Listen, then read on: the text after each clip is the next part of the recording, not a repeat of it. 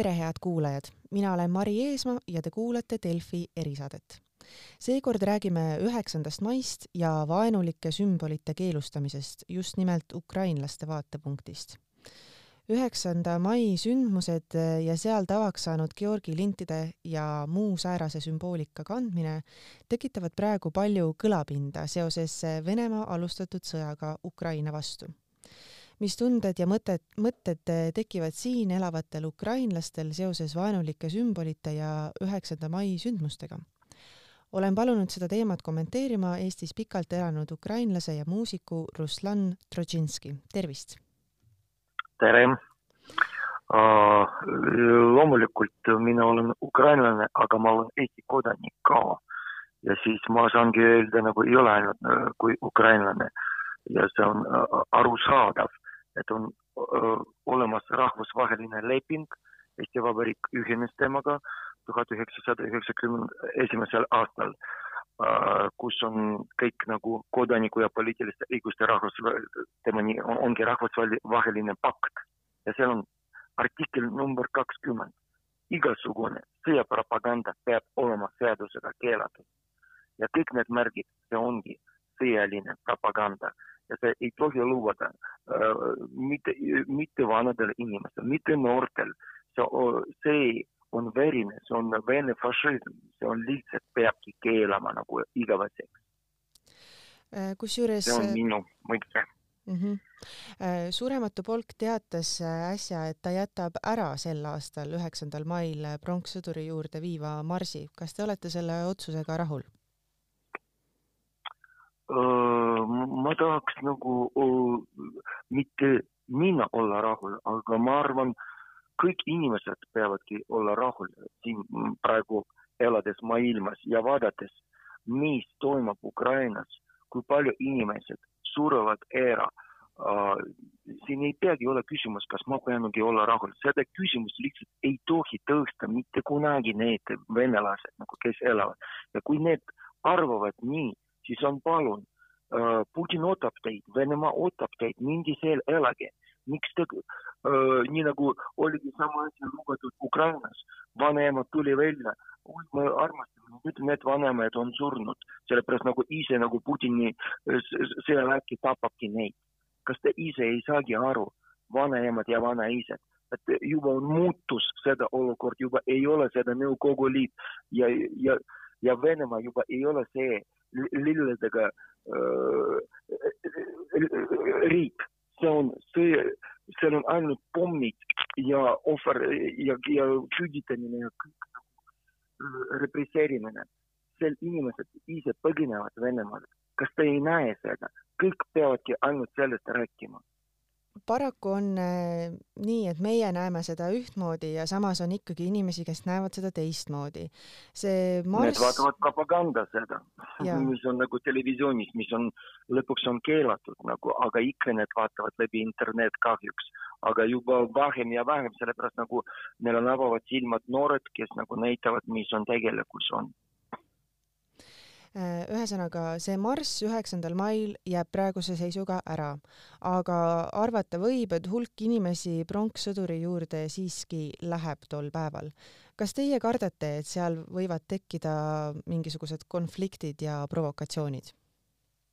ma arvan, seal ei tohi minna eestlane üldsegi, seal peavadki olla kas või politsei või sõjaväkke ja siis need, kes tulevad, see on äh, need äh, ise nagu ma ei ütle, et need venelased, need on, need on vene fašistid, ainult neid seal peavadki olla, kui üldsegi olla. ja siis nagu äh, kõik nagu politseinikud peavadki nagu panna need kontrollid ja siis ma ei tea, deporteerima lihtsalt Eesti, Eestimaalt ära Teie seisukoht eh, vaenulike sümbolite osas oli väga konkreetne, ma saan aru, et need tuleks ära keelata ja siin mingit juttu ei ole. aga kuidas Just teile nii. tundub, eh, kas see marss üheksandal mail, mida on Eestis ja siin Tallinnas tehtud aastaid, kas oleks mõistlik see ära jätta ainuüksi sel aastal või tegelikult ka edaspidi? see on üldsegi vaja ära keelata. see ei saagi nagu isegi nagu tulla nagu küsimusele kõik me näeme, mis, mida see tähendab, mida see marš toob. tema toob pärast tankid, tema toob pärast verd ja inimesed surevad ära. see on see esimene samm ja me ei tohi seda samm anda, teha siin on kõlanud ka selliseid äh, arvamusi, et äh, kui nüüd see marss ära keelata, kuigi noh, nüüd ütlesid korraldajad ise, et jätavad ära, aga kui ka süm-, need vaenulikud sümbolid ära keelata, siis see loob viljakama pinnase rahvustevaheliste konfliktide tekkeks.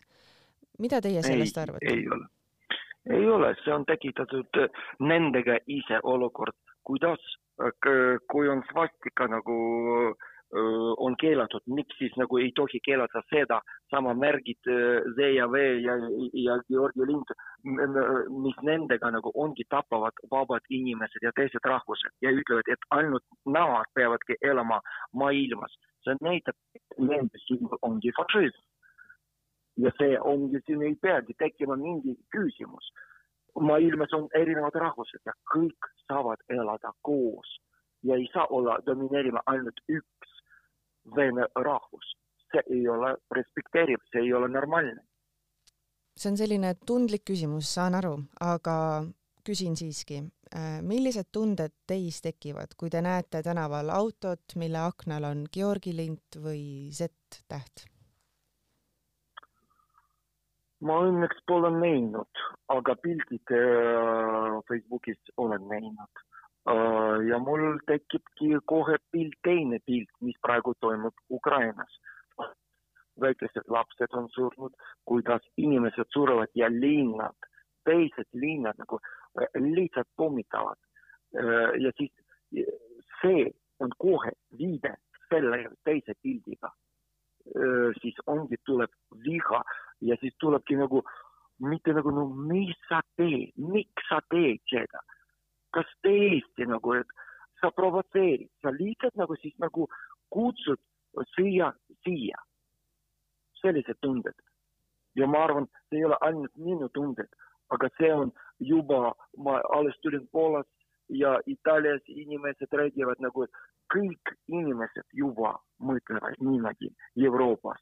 Need saavad, saanudki aru, et see olukord, mis oligi tuhat üheksasada kolmkümmend üheksa praegu kordab. Ja nüüd fašism tuleb Venemaalt. ja peame seda väga kiiresti peatada, me ei tohi olla vait, lihtsalt ei tohi. Üks asi on see, kuidas meie seda siit paratamatult või võib ka öelda, et õnneks, meie õnneks näeme seda distantsilt samas äh, meie ühiskonnas on juba väga palju inimesi, kes on kõiki neid sõjakoledusi näinud äh, oma silmaga, ehk siis äh, Ukrainast põgenenud ukrainlased, kes on jõudnud siia. olete te ja. rääkinud ka nendega, et milliseid mõtteid või tundeid, millised mõtted ja tunded neis tekivad, kui nad mõtlevad selle peale, et üheksandal mail võivad aset leida need sündmused, mis meil siin on aastaid juhtunud, kuidas, kuidas nemad sellest mõtlevad? sellised tunded ei saa kirjeldada. Nendes silmades on, ei ole ainult pisarad, aga selline nagu suur küsimärk. miks, kas te ei näe, mis toimub praegu Ukrainas, kas te tahate, et see hakkab toimuma Eestis? ei tohi lubada, see ongi see, ma just mängisin uh, see venlastele nagu seal oli ainult naised ja lapsed ma mängisin neile lood nagu, tegin selline kontsert koos kooriga äh, hotellis. ja te ei kujuta ette, missuguse valu nende silmades. kui sa äh, näed ükskord sellised silmad, siis äh,, siis nagu ükskõik kui kõva mees sa oled või kibestanud inimene, sul ikka tulevad pisarad, sellepärast sa saad aru, mis need on näinud ja nende seisukord on kindlasti ei tohi see toimuma, ei tohi lubada, see on vaja keelata, sellepärast need kaotasid oma äh, maa, mitte maad, aga ajad, oma kõik kaotasid, kõigi ja paljud nendest kaotasid oma sugulased, oma kallimad, oma laps. ja kuidas me saame nagu käituda kuidagi teistmoodi. meie seisukord peabki olla väga kindel, ei tohi lubada. ja lõpetuseks ma küsin, et kas te pelgate selle aasta üheksandat maid?